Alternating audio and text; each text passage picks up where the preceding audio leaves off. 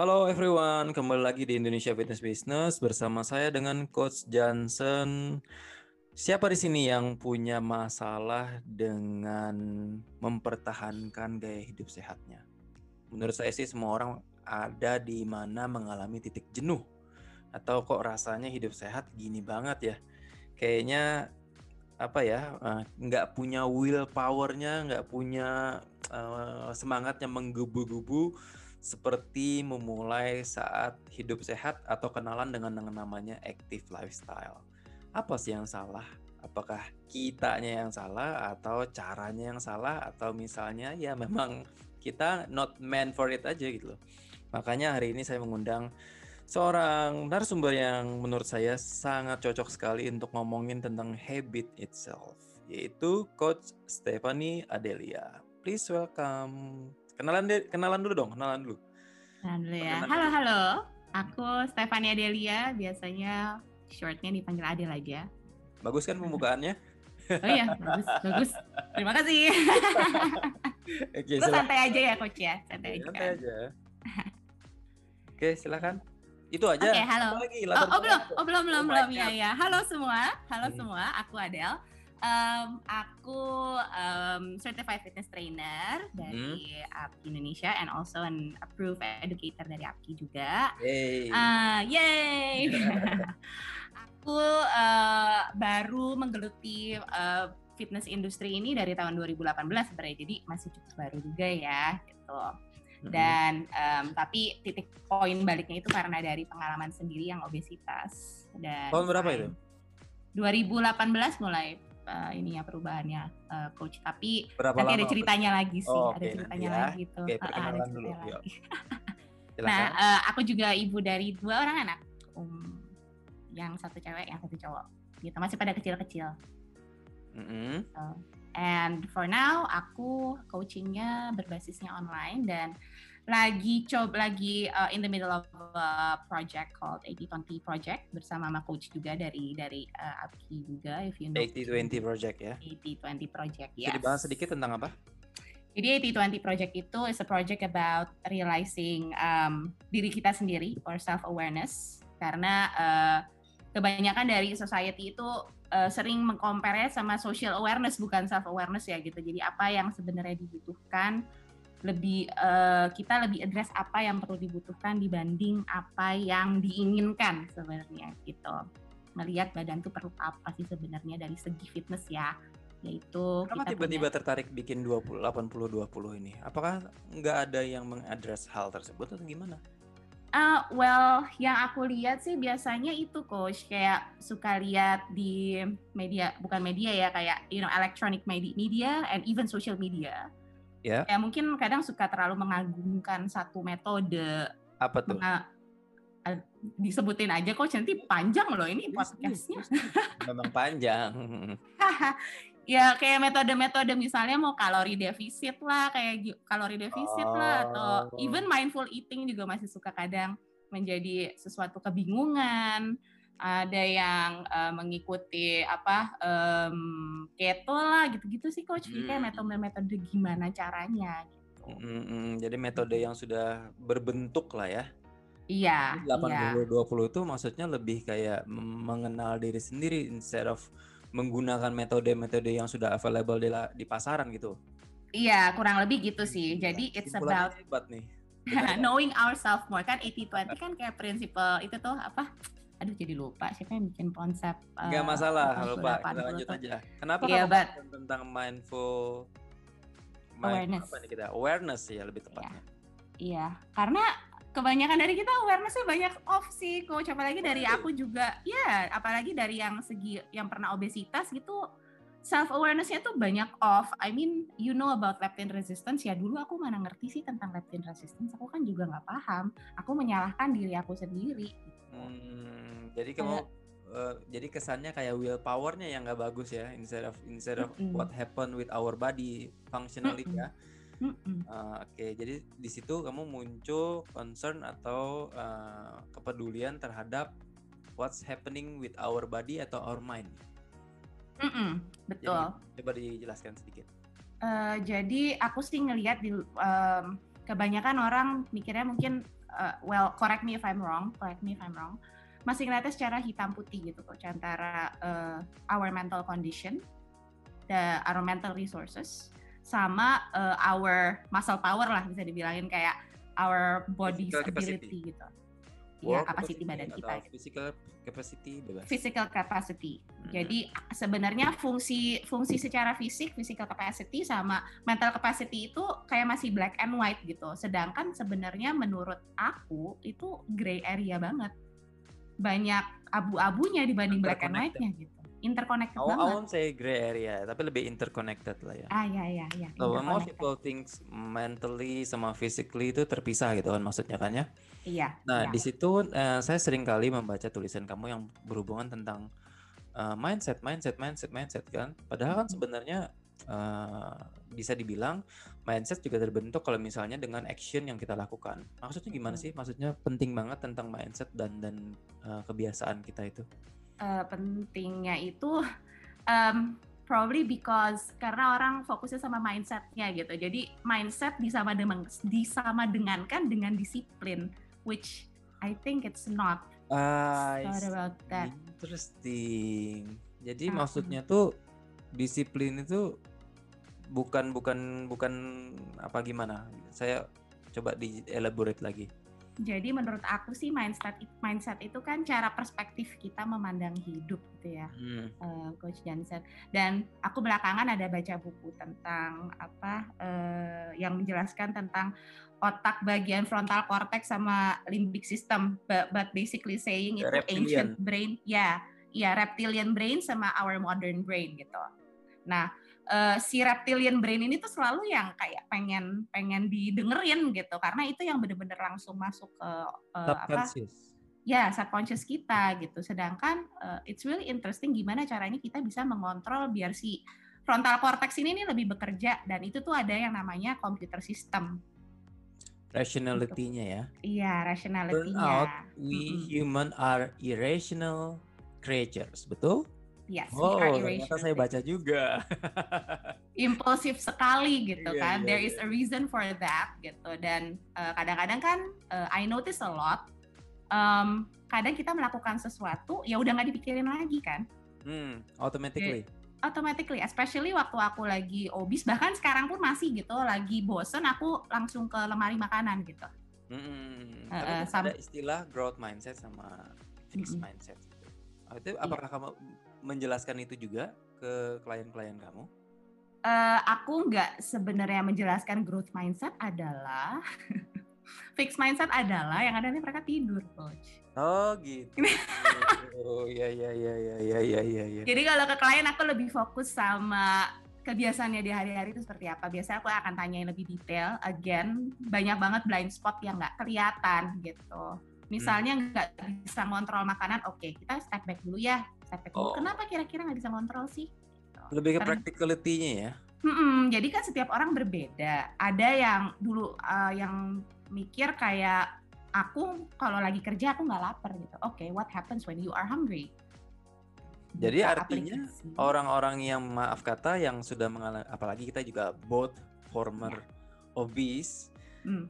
Memang pada dasarnya kita pun tidak menyadari bahwa tiba-tiba kita udah obesitas itu ya. Uh, I know, and that oh, brings know? me down a lot. I know, I know I was in aku paham jadi Kamu aku ngerasa kayak gagal. Mengalami, mengalami peningkatan berat badan yang signifikan itu. Iya, oh sadar Berarti banget. Ada aware dong, ada awareness di sana dong.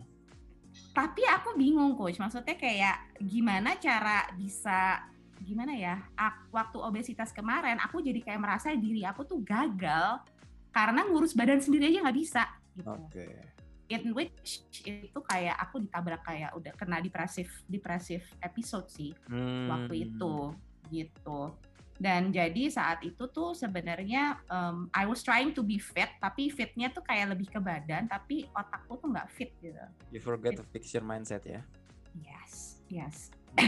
Maaf kalau lebih fokus ke ininya physical change-nya instead of fixing your brain uh, mentally atau yeah. secara lebih uh, modernnya adalah mindset gitu ya.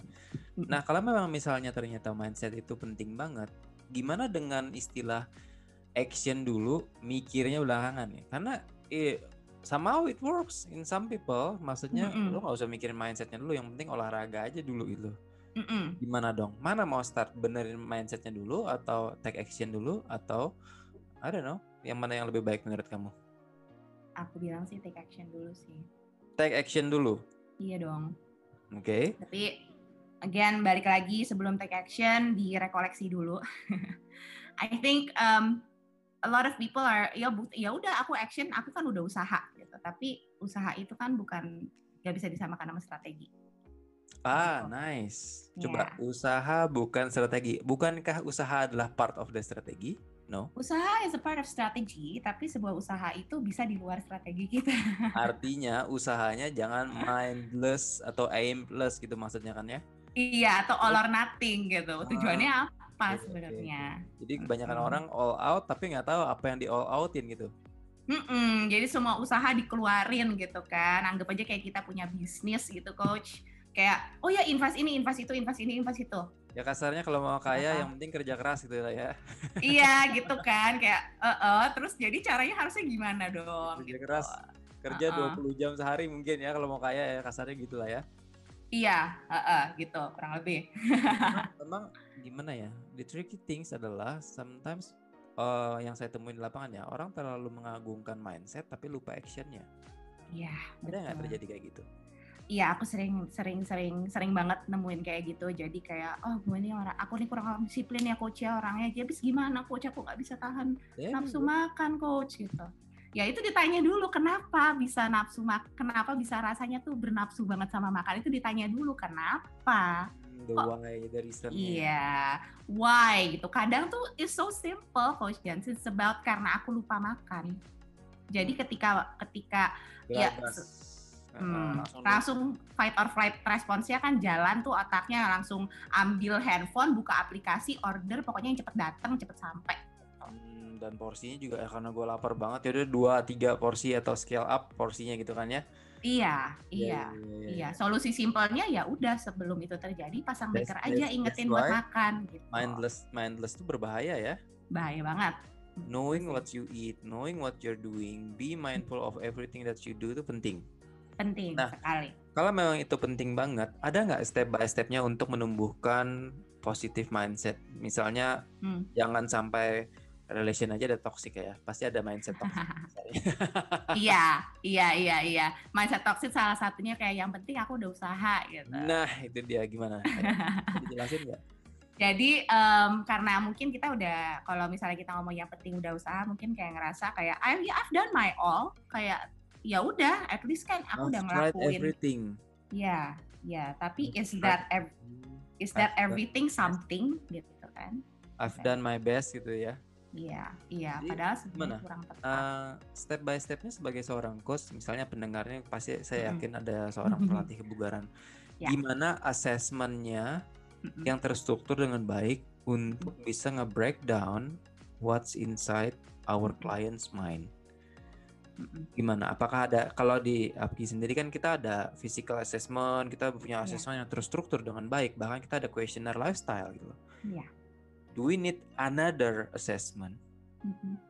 What kind of assessment yang bisa kamu sarankan ke kita supaya bisa lebih memahami klien kita? I wouldn't say an assessment, coach. I would say a skill. Skill? Yeah. It is an assessment. Ya. Yeah. Oh iya gitu ya. Skill yeah. skill maksudnya skill coachnya. Ya, yeah, itu kan assessment. When, yeah. when you're trying to know something about your client mm -hmm. kan itu jadi yeah. bentuk adalah assessment. Ah ya ya ya. Assessing. Nah maksud saya itu adalah ada nggak misalnya kamu kan really concerned about the mindset of your client. Nah cara assessmentnya itu ada step by stepnya kah atau gimana? Kalau sebagai coach cuma satu aja kok sebenarnya. Active listening. Wow, that spot. Bukan ini ya listen to answer ya? Uh, no, active listening. Jadi kayak jadi kita lihat gitu. Jadi sebenarnya problemnya tuh ada di mana sih?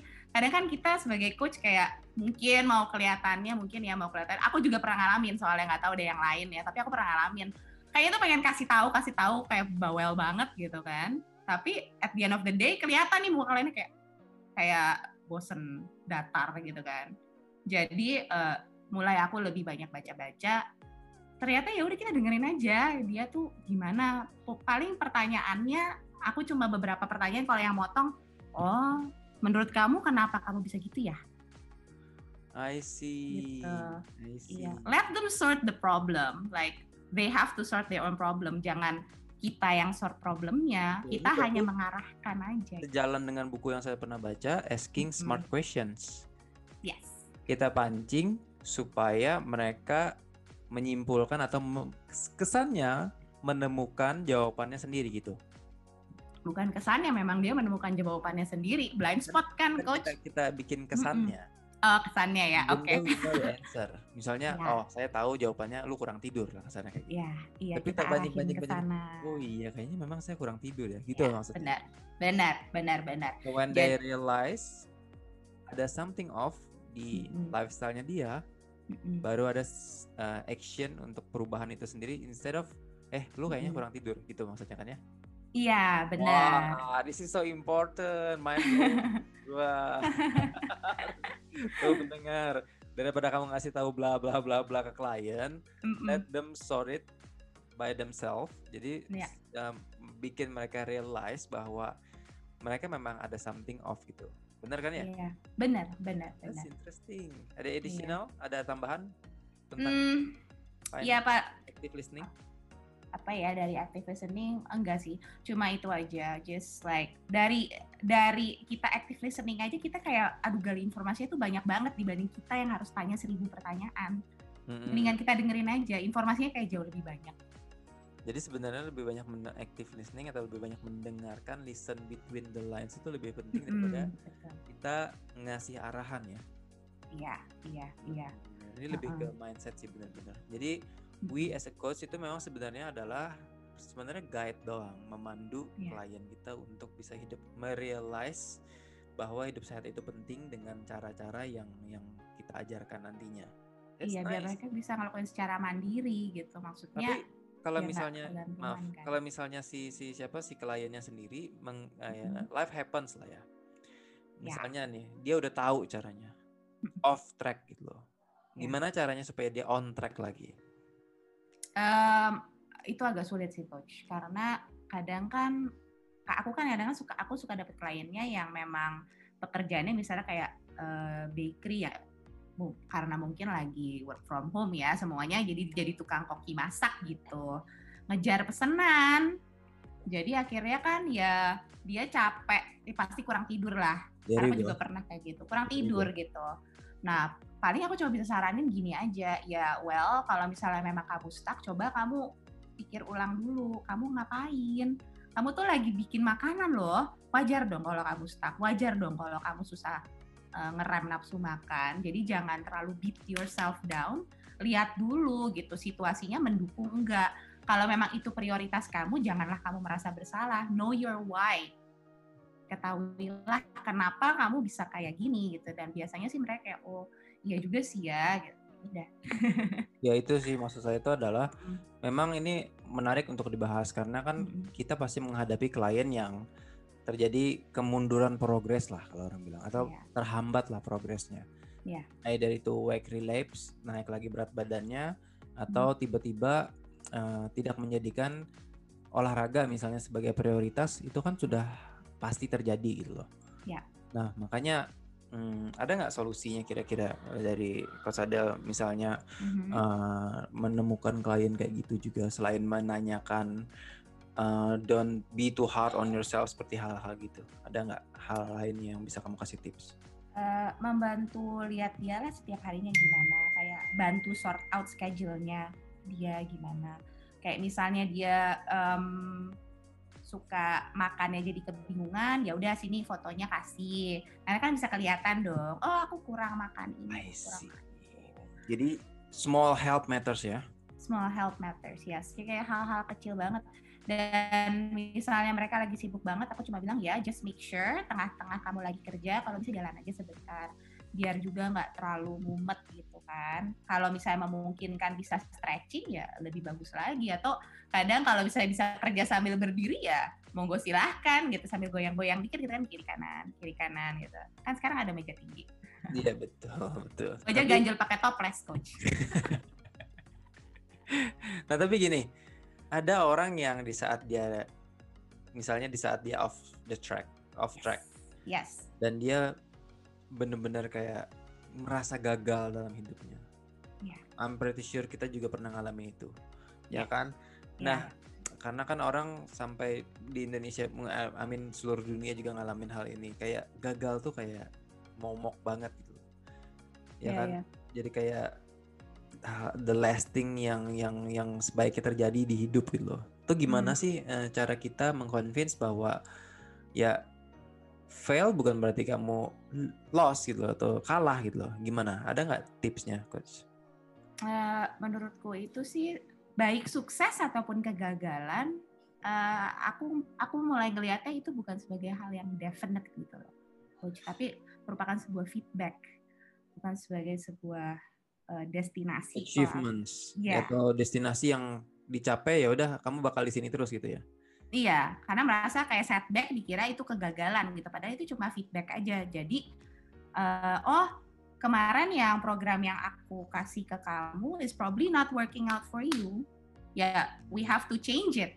Ganti, kita ganti Jadi programnya. change it atau disesuaikan dengan kondisi gitu ya. Iya, iya, oh, iya. Jadi kita nggak memaksakan. Kalau aku pribadi, aku nggak memaksakan klien. Oke, kamu hari ini ke latihan ini, ini, ini, ini, ini, ini ya. Jadi aku akan tanya dulu kayak kira-kira ini kamu bisa nggak masukin ke jadwal kamu?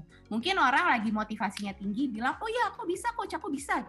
Ya, Tapi again, dia life nggak ada happens. motivasi, lagi Ah, down, lagi iya. life happens. Wah, Iya, iya. Jadi we can see dari dari seminggu dua minggu. Cuma yang penting kliennya tahu kalau misalnya hasil kayak gini bisa harus dilihat kayak sekitar seminggu dua minggu. Kita lihat juga kita sebagai coach juga harus uh, sensitif. Ini kira-kira programnya cocok nggak ya buat dia gitu, sesuai nggak gitu. It's not only evaluasi terus ya. ya evaluasi Nah, tapi kan terus. kebanyakan orang merasa gagal, tidak berprogres atau ada setback dan kawan-kawan tuh kan Hmm. biasanya karena ada pembandingnya juga. Iya, As we know, sekarang kan sosial media itu menjadi menjadi apa ya? Part of our life, iya, daily life gitu loh. Bahkan ada yang disebut dengan social pressure.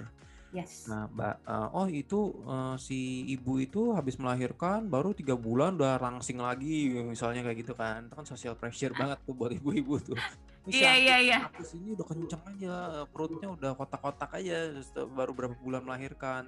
Iya. Si B, si C itu gimana eh, mengatasi atau membantu klien kita untuk "Ah, udahlah jangan terlalu gimana itu ke ke Oke. sosial Ini Gimana? menarik nih, Pressure menarik itu. ini. gimana? Menarik Ada ini. Ah, kalau kalau aku sih akan ngomong gini biasanya. Eh, tunggu dulu, yang dilihat itu Instagramnya siapa ya? Itu kan berarti influencer. Kalau misalnya we're talking about social media dulu secara influencer dulu ya, ada dua Hmm. aspek kan dari influencer atau teman sendiri Hmm. gitu. Kalau misalnya dari influencer, aku cuma cuma bilang aja, ya itu kan influencer. Artinya dia punya suster, dia punya supir, dia punya mbak banyak. Dah, gitu aja. Right, right, right, right, right, right. Ya, Jadi- jadi punya waktu kan? Jadi nggak bisa apple to apple lah kasarnya ya. Enggak bi iya, masa Apple di komen sama Duran gitu ya beda lah coach. Nah, tapi kan nggak semua orang bisa langsung realize bahwa ya namanya insecurity itu kan ada di dalam diri kita semua. Ya. Apalagi maaf kata eh, perempuan ya. Kenapa perempuan Ya. itu lebih mengalami insecurity lebih dalam karena kan mereka dari kecil sering kali di compare. Kemudian eh, baju aja banyak pilihannya. Kemudian kosmetika. Jadi comparison di di hidup perempuan itu kan sudah tinggi sekali. Kalau laki-laki ya eh, either kamu pakai baju hitam ya putih ya gitu. Gitu aja Iya, gitu. ngelihat Kalau- kaca masih keren-keren aja ya. Nah, kalau perempuan kan gue pakai rok, gue pakai apa, gue blazer dan. Man, itu to be honest loh. Makanya Iya. saking banyaknya option pilihan itu Iya. dari pengalaman saya ya, itu membuat eh, a bit tricky untuk bisa benar-benar membantu perempuan eh, untuk ya live healthier aja gitu loh. Overload ya. Overload karena Iya. biasa dengan dengan decision overload itu tadi gitu. Mm-mm, Nah, mm-mm, Ada nggak saran nih kira-kira dari Coach Adele untuk mm-mm. para perempuan yang mungkin ya because uh, kamu ada pernah ngalamin former obese juga dan juga Iya. uh, punya uh, hampir menjurus ke depressions Udah coach, udah itu udah Oh sudah ya. uh, gimana sih sampai kamu bisa uh, mengatasi hal tersebut walaupun mm -hmm. masih work on progress saya yakin mm -hmm. dan dan bisa berdamai sama diri sendiri bahwa not finding the best diet tapi to get to know yourself more. Okay. Apa stepnya? Berarti ini udah ngomongin ranah mental health juga ya? Yeah, it's okay. Iya iya. Um, itu sih aku banget sih yang kayak dari kecil uh, kayak ngerasa di compare atau gimana gitu. Aku merasa karena um, dulu tuh well nggak ada niat. Aku yakin sih nggak ada niat buruk dari orang dari papaku gitu. Eh, Mungkin dia karena ya dia pengen beliin sesuatu yang bagus itu buat anaknya wajar dong ya. Gitu. Um, ngomongnya gini kayak kamu kapan sih bisa badannya kecilan dong? Jadi papi bisa beli bisa beliin kamu barang yang baju yang bagus gitu. bahkan sampai detik ini aja kamu masih ingat omongan itu masih tuh masih menitikan air mata sedikit. Tapi um, uh, itu harus diadres gitu lah kita harus tahu kayak kenapa sih kok orang tua aku ngomong seperti itu gitu loh. Dan kenapa kenapa itu kayak jadi sesuatu yang insecure banget buat uh, buat diri aku. Kalau misalnya ditarik balik aku kan juga uh, what really helps is seeing a psychologist. Uh, seeing a psychologist psikolog yes, ya. Psikolog. Ya itu penting yeah. bagi aku itu jadi key We banget need professionals input sama service lah ya. Saya contohnya seperti kamu mau olahraga aja ya, yeah. fitness trainer to help you out gitu loh. Kamu punya masalah hmm. dengan mental ya ya si psikolog gitu loh. Yeah. Tapi memang benar sih, ada istilah bahwa kita adalah byproduct dari trauma kita masa kecil gitu loh. Dan itu kadang kita sendiri tidak menyadari bahwa itu menjadi it shapes our character di saat dewasa. Iya, iya. Banyak banget yang tidak realize akan hal itu termasuk di compare itu. Karena kan dia mm-hmm. biasalah tuh lihat tuh anaknya ini ranking, anaknya itu ranking. Iya, ini iya. lebih cantik, yang itu lebih ini lebih ono. Itu kan Iya, iya, iya. Uh, parents nggak intent tuh sebenarnya untuk melukai perasaan kita. Iya, Jadi, iya. Kayak lebih kayak negative motivation kalau saya bilang. iya, iya. Nggak nggak ngeh juga sih kayaknya mah, nggak ngeh ke sono jadi kita harus ngerti juga, kita kan nggak bisa kontrol orang lain gitu loh. Kenapa betul, kita betul. ke psikolog? Because we cannot control what other people betul, think. Betul, betul. Atau nah, apa pun yang mereka decide. Sebenarnya kan nanganin klien itu tricky banget. Karena yeah. kita akan dealing dengan past traumanya mereka juga. Terutama yang punya masalah mm -hmm. dengan berat badan, punya iya. masalah yeah. dengan kesehatan. Itu sering oh, banget. uh, active listening is a very good input dan saya yakin pendengar juga banyak yang mendapatkan manfaat dari pembicaraan kita hari ini. Last uh, advice untuk yeah. para coach yang apa ya mencoba untuk memperdalam atau yeah. uh, bisa dibilang supaya nggak cuma sekedar pinter ngelatih aja. Yeah. Di mana mereka harus memulai? Apakah mereka harus memulai dengan membaca buku-buku tentang mindset atau mm-hmm. I don't know gimana caranya. Well, that really helps uh, dengan baca buku itu banyak banget. Nah, tapi ada juga sih maksudnya bisa juga lebih ke komunitas yang memang um, ya kurang lebih paham lah kayak di APKI gitu. Kita kan sering ngobrol-ngobrol hmm. gitu ya. Bahkan I really appreciate ada fitness foundation yang ada fitness for the mind tuh. Aduh itu itu life changing. Bagus banget, life changing banget gitu. Karena um, mostly kan yang yang bikin aku berpikir gini mungkin advice-nya sama. Advice itu kan banyak yang dibelakangi dari teori-teori buku gitu. Tapi permasalahannya apakah sih pendengar ini siap untuk mendengarkan itu gitu. Kliennya apakah dia siap dengerin itu. Advice-nya boleh sama, tapi kapan kita kasih taunya itu kan kita lihat dong pace-nya dia gimana gitu. Harus disesuaikan sikon ya. Iya, iya, iya. Iya, iya. Man, it's really tricky to be hmm. a good bener-bener understanding coach to be honest. Yeah. Jadi sebenarnya I thought pertama kali saya masuk ke industri kebugaran bahwa oh, I just have to train my clients and give them the best program and then bang mereka jadi bagus badannya atau sehat atau kurus gitu atau apa pun atau achieve. Iya iya iya. But yeah. turn out we have to fix this and that that that. that. Yeah. Kalau kita benar-benar mau uh, klien kita bisa long lasting hasilnya. Yeah, That's yeah. why kenapa uh, topik pembahasan Coach Adel ini sebenarnya sangat menarik sekali. Banyak banget blind spot yang sering kali tidak dilihat oleh seorang coach, even yeah. senior coach. So, yeah. last advice ada? Mungkin aku tambahin sedikit. Kali. Aspiring coach ya. Iya. Jadi um, Tuh, tadi kadang-kadang kita sebagai coach juga harus harus harus uh, menurut aku ya lebih sensitif sama apa yang dijalankan sama sama kliennya. Misalnya contoh aku. Aku dari segi motivasi sih on banget kan. Kenapa? Karena aku dalam depressive state. Waktu itu lagi depressive state. Jadi memang kayak goal aku pokoknya aku harus turun berat badan. Padahal that's not my root cause. Karena that's not my root problem. Itu bukan bukan akar dari permasalahan aku gitu tapi uh, aku kayak determinasi banget sampai I think you know juga aku sampai cedera-cedera juga gitu kan karena nggak nggak nggak bisa latih untuk paham address perasaan sendiri kayak gimana dan kayak apa kalau misalnya aku udah mulai nih klien kayak gitu kayak eh tunggu dulu rem rem rem rem rem rem rem. Kalau misalnya merasa nggak enak tolong direm ya. Makanya aku suka nanya besoknya habis latihan rasanya apa? Habis latihan kemarin sakit nggak? Karena bisa kelihatan gitu dari cara determinasinya mereka bergerak itu kelihatan gitu. Jadi, pain, toler pain tolerance orang berbeda-beda. Karena belum belum tahu sih coach kalau aku rasa. Emang awarenessnya belum ada gitu. Body awarenessnya tuh belum ada dan mereka pikir kayak udah yang penting gerak gitu. Oke, jadi saya simpulkan bahwa sebenarnya nggak cuman kita melatih klien aja, kita juga ya. harus menumbuhkan self awareness terhadap kesehatan bahkan terhadap apa pun yang terjadi di tubuh klien kita. Iya, uh, uh, uh. makanya foto makanan tuh penting tuh. Oke, makanya saya jadi bingung nih nanti bikin judul podcastnya ini apa gitu. Apa ya?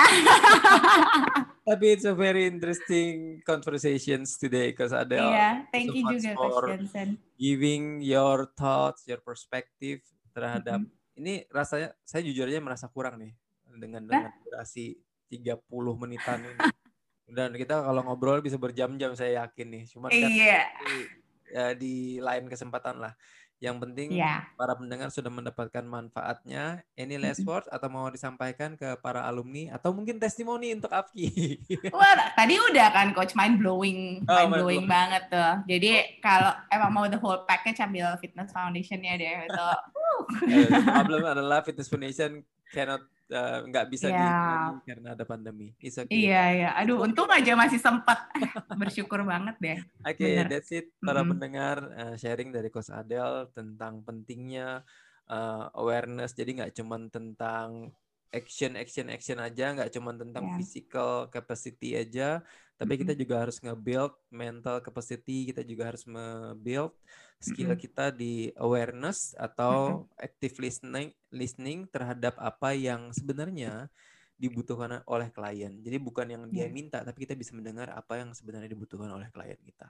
Iya, apakah yeah, advice, apakah ya I don't know. Nanti semoga teman-teman bisa mendapatkan uh, ini caranya untuk membantu klien untuk hidup lebih sehat lagi. Thank you Coach Adel. Thank you Coach Johnson. Untuk seluruh pendengar, terima, terima kasih, kasih juga sudah mendengarkan listeners. obrolan hari ini dan sampai jumpa di episode. Sampai jumpa.